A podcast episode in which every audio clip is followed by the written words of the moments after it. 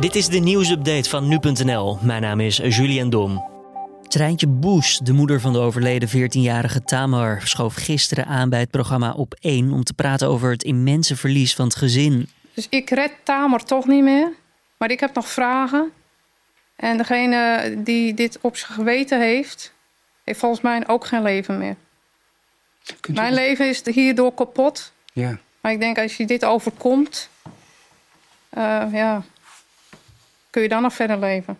De moeder hoopt dat de persoon in kwestie zich alsnog meldt bij de politie. Ze deed een emotionele oproep aan de persoon die haar dochter heeft aangereden. Nou, alsjeblieft, eh, kom over de brug. Eh, voel, je vrij om het gewoon te melden. Verlos jezelf van, van, van, van, van, van het idee wat je gedaan hebt. En dat verandert je niet meer, Tamer is er niet meer. Maar wij krijgen vragen. Hoe, hoe laat is ze overleden? Eh, dat vind ik heel belangrijk. Heb je het gezien? Eh, werd het te hard gereden? Eh, onder wat voor toestand was iemand? Ik vind dat voor Tamer gewoon gerechtigheid.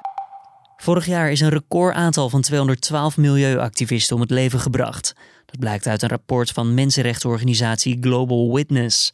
De meeste slachtoffers vielen in Colombia en de Filipijnen.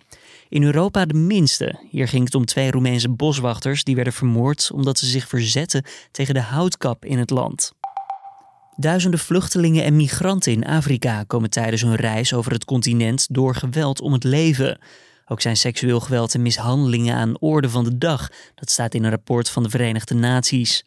Veroorzakers van het geweld zijn mensensmokkelaars, burgermilities en soms leden van veiligheidstroepen van landen.